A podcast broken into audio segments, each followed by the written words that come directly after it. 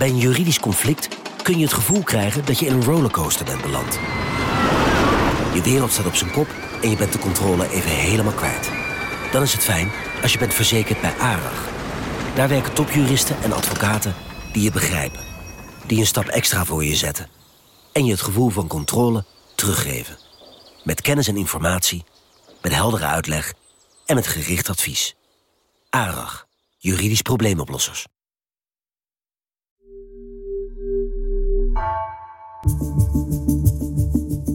Vanaf de redactie van NRC het verhaal van vandaag. Mijn naam is Egbert Kalsen.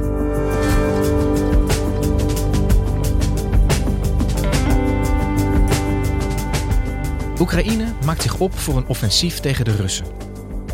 Nu is er nog een tekort aan munitie en luchtsteun en het weer zit de laatste weken erg tegen. De slagvelden zijn veranderd in modderpoelen. Verslaggever Floris Akkerman sprak met Oekraïense militaire experts over wat er nodig is voor een geslaagd lenteoffensief. En hij zag hoe militairen zich daarop voorbereiden in de loopgraven aan het front.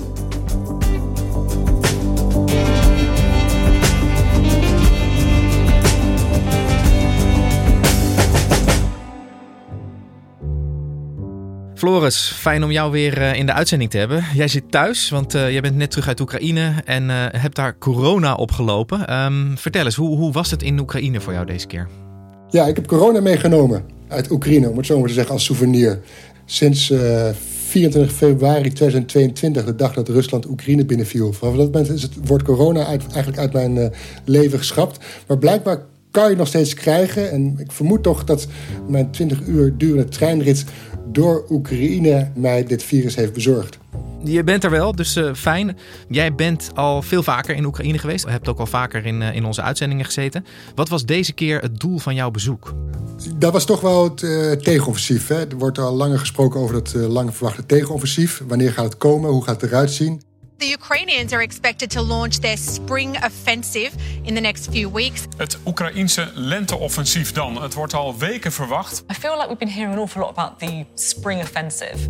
Dus ik wilde eigenlijk eens met militaire experts uit Oekraïne zelf, en niet alleen de westerse of de Nederlandse of eh, via de social media, is, is horen hoe zij daar tegenaan kijken. Het zijn alle drie experts die een verleden hebben in de Oekraïnse krijgsmacht. Dus, dus ik wilde van hen weten hoe, hoe zit dat? Hoe gaat het daarmee? Hoe staat de Oekraïnse krijgsmacht ervoor? Zijn ze klaar voor dat tegenoffensief? Hebben ze genoeg materiaal? Hebben ze genoeg manschappen?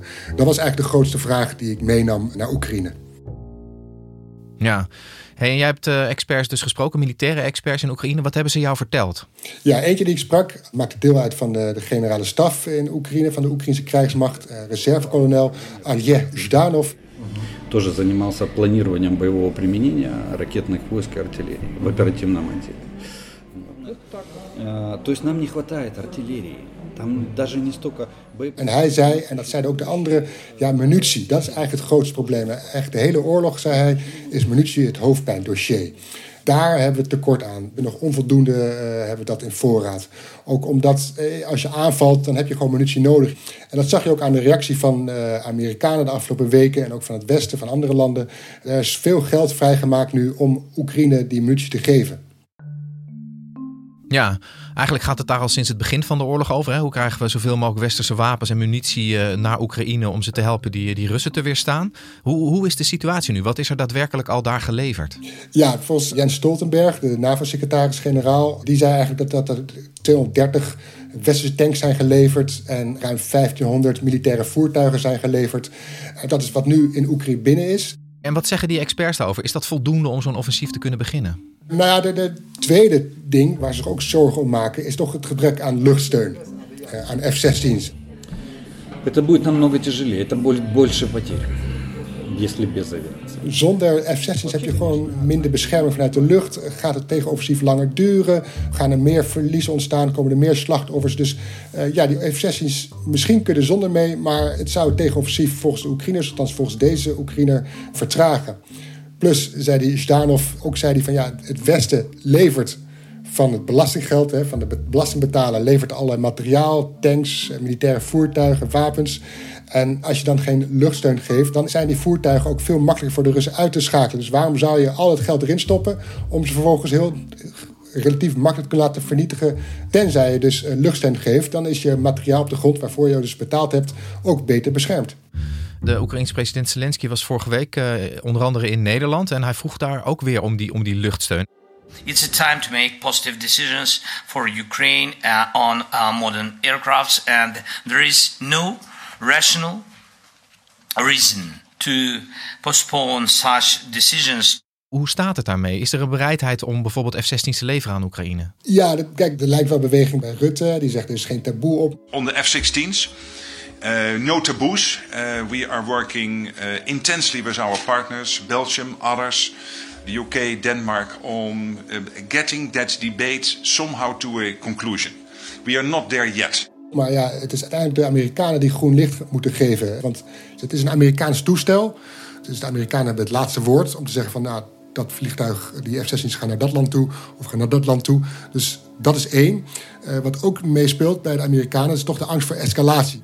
Hoe gaan de Russen reageren als wij F-16's gaan leveren aan de Oekraïners? Wat gaan de Oekraïners met die toestellen doen? Ook dat weer escalatie uit bij de Russen. Dus die angst speelt ook mee. Aan de andere kant, elke keer zijn er wapens geleverd en werd er gevreesd voor escalatie van de oorlog. Maar uiteindelijk deden de Russen eigenlijk niets waarvan je zou zeggen van nou, eh, die westerse wapensleveranties hebben gezorgd voor escalatie van de oorlog.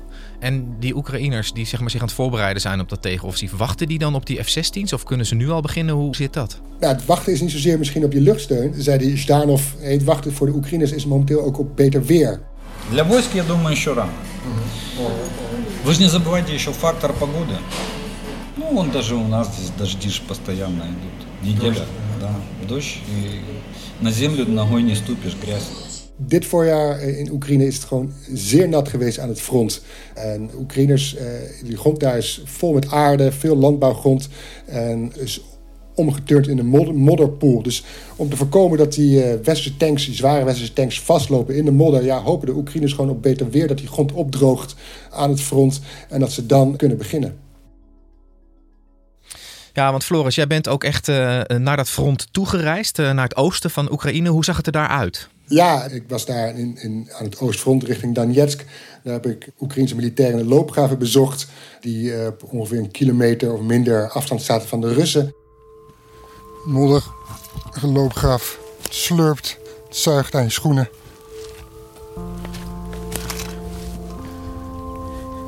So we now just go je hoofd steekt bovenuit en dan links en rechts de bergen zand en aarde.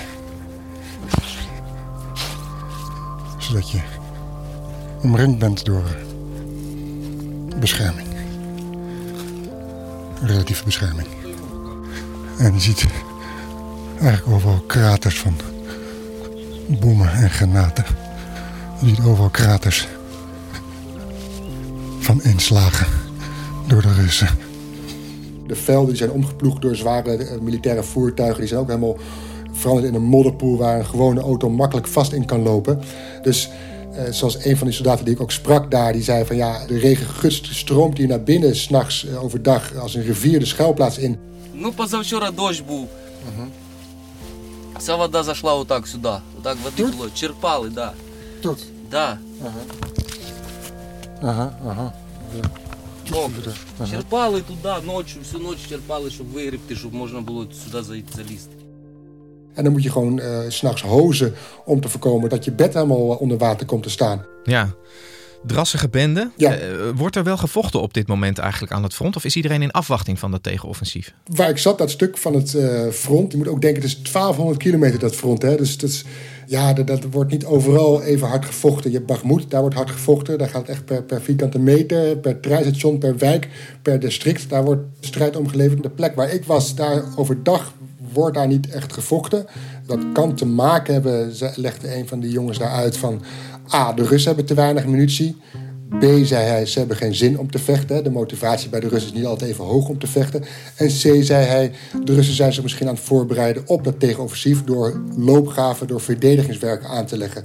Dus het is wat rustiger op die plek de laatste twee maanden. Hij zei van als je daarvoor was gekomen, dan hadden we hier geen normaal gesprek kunnen voeren vanwege de hevige bombardementen door de Russen. Uh, nu is het dus stiller uh, overdag, maar s'avonds uh, gaat het wat degelijk los waar ik was.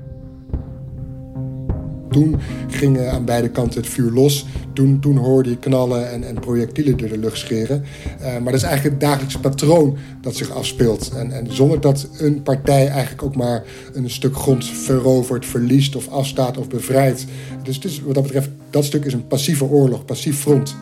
Wat je wel ziet in de aanloop naar dat tegenoffensief als voorspel, zie je dat de Oekraïners op diverse plekken een testaanval hebben gedaan. En daar vallen ze de Russen aan aan het front om te kijken hoe de Russen reageren. Waar, waar zitten hun zwakke en sterke punten? Hoe sterk zijn ze daar? Hoe, hoe snel zijn ze met hun reactie?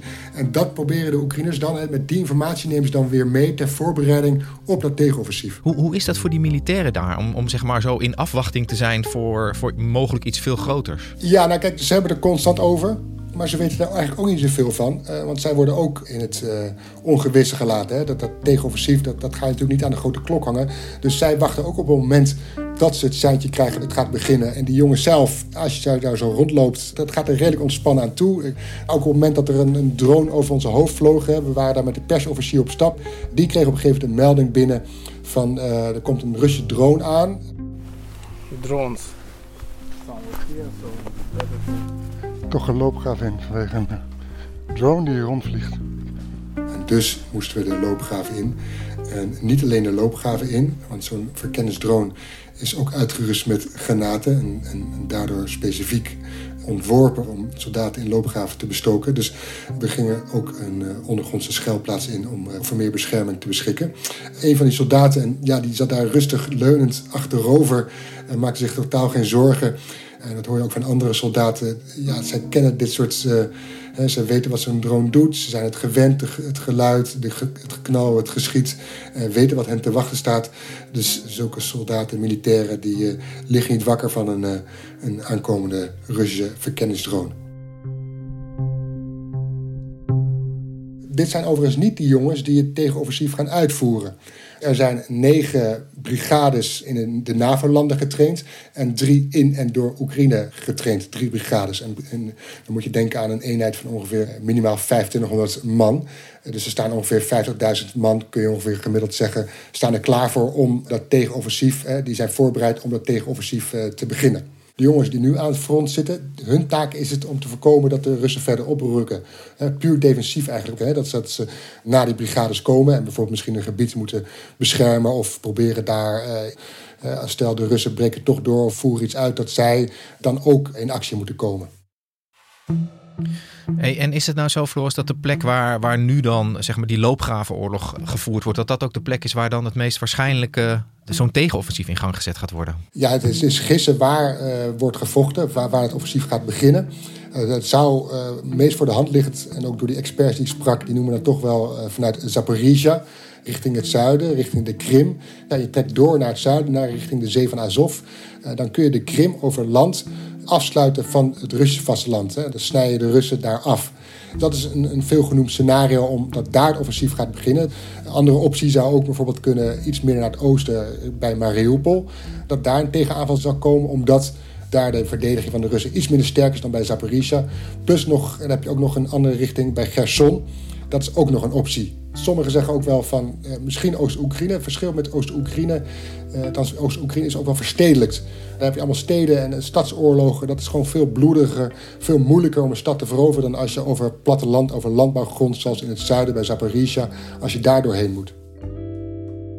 Wij hebben het hier uh, eigenlijk in alle openheid over alle voorbereidingen aan de Oekraïnse kant. Hè? Munitie, uh, tanks, straaljagers. Uh, waar mm-hmm. zal het mogelijk gaan plaatsvinden? Hoe is dat voor de Russen? Hoe reageren zij op al die verhalen over dat aanstaande lenteoffensief? Je ziet dat de Russen zich concentreren op hun verdediging. Volgens het Britse ministerie van Defensie heeft Rusland de sterkste verdedigingswerken ooit ter wereld nu aangelegd. Die lopen zelfs tot in Rusland door. Dus daar zijn ze hard mee bezig. Je ziet ook dat Rusland bezig is met het evacueren van bewoners in de door Rusland bezette gebieden, zoals Zaporizhia-regio, met name bij de kerncentrale, die vanaf dag 1 van de oorlog al in het nieuws is vanwege het gevaar dat die kerncentrale wordt getroffen. De Russen spreken van evacueren, maar dat gaat niet vrijwillig, dat gebeurt onder dwang, dus je kan eerder spreken van deporteren, zoals we dat uh, deze oorlog uh, ook al hebben gezien. Het deporteren van uh, Oekraïners die daar in bezet gebied wonen. En laat je dus niet misleiden door het woord evacueren. Daarnaast zou je kunnen stellen dat Rusland heeft geleerd van de blamages bij de bevrijding van Gerson en van het gebied rond Kharkiv, waar hun verdediging eigenlijk eh, niks voorstelde. Je zou kunnen denken dat de Russen daar lessen uit hebben getrokken.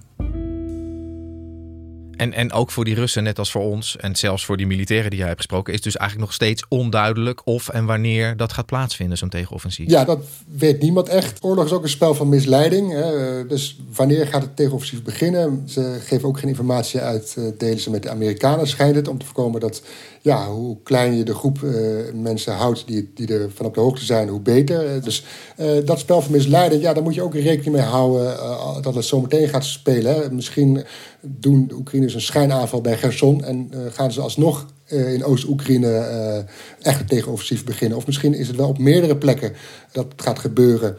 Niet alleen op één plek, maar gewoon over het hele front of hele specifieke plekken. Locaties, dat kan natuurlijk ook. En, en zo'n tegenoffensief, dat heeft natuurlijk een, een ja, plat gezegd een primair militair doel. Hè? het land weer terugveroveren van, uh, van de Russen in dit geval. Maar zijn er nou ook nog andere doelen die die Oekraïners hebben met zo'n tegenzet tegen de Russen?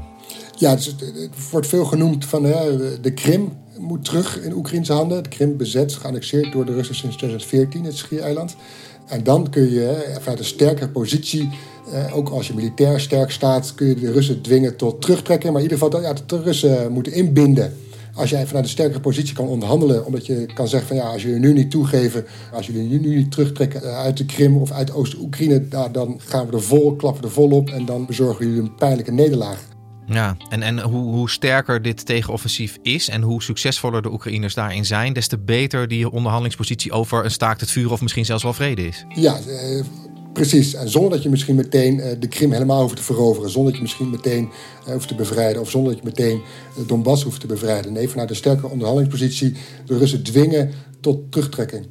Maar dat is als het offensief lukt. Er wordt ook over gesproken, wat als het niet lukt.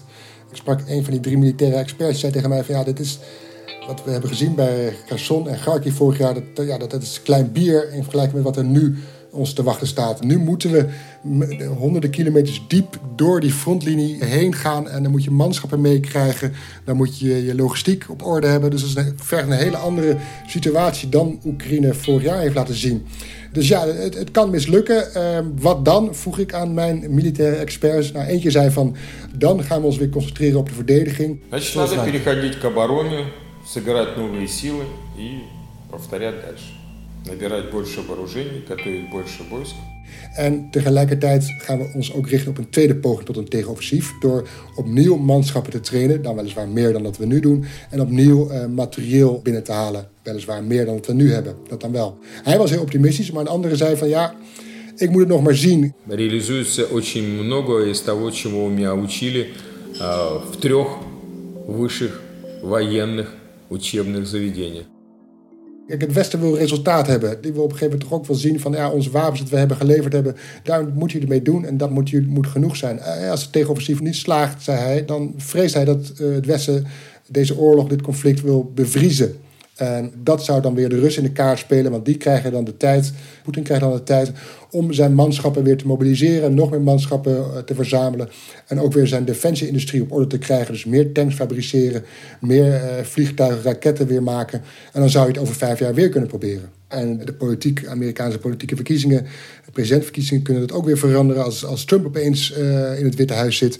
Dus dit is het moment dat het moet gebeuren. En wat dat betreft, dat weten de Oekraïners ook. Maar ja, voor, nu is het gewoon uh, het belangrijkst uh, waar de Oekraïners naar kijken, is het weer. De weersvoorspellingen zijn nog altijd niet gunstig genoeg om, om, om die harde grond te krijgen. Is nog steeds in Oost-Oekraïne bijvoorbeeld uh, regen aangekondigd voor de komende weken en voor de komende dagen.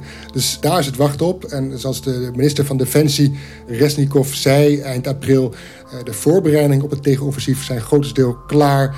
hangt nu af van Gods wil, van beter weer. En zodra de legerleiding de beslissing neemt, gaan we van start. Dankjewel, Floris. Dankjewel, Egbert.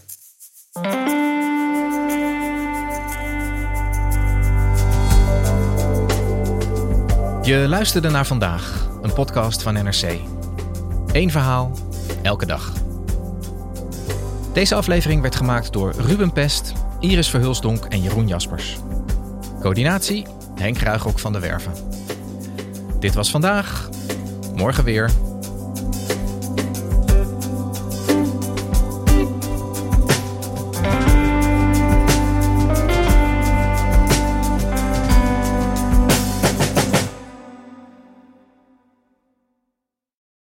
De financiële markten zijn veranderd, maar de toekomst, die staat vast. We zijn in transitie naar een klimaatneutrale economie. Dit biedt een van de grootste investeringskansen van onze generatie. Een kans voor u om mee te groeien met de pioniers van morgen. Meer weten? Ga naar carbonequity.com. Carbon Equity. Do good by investing better.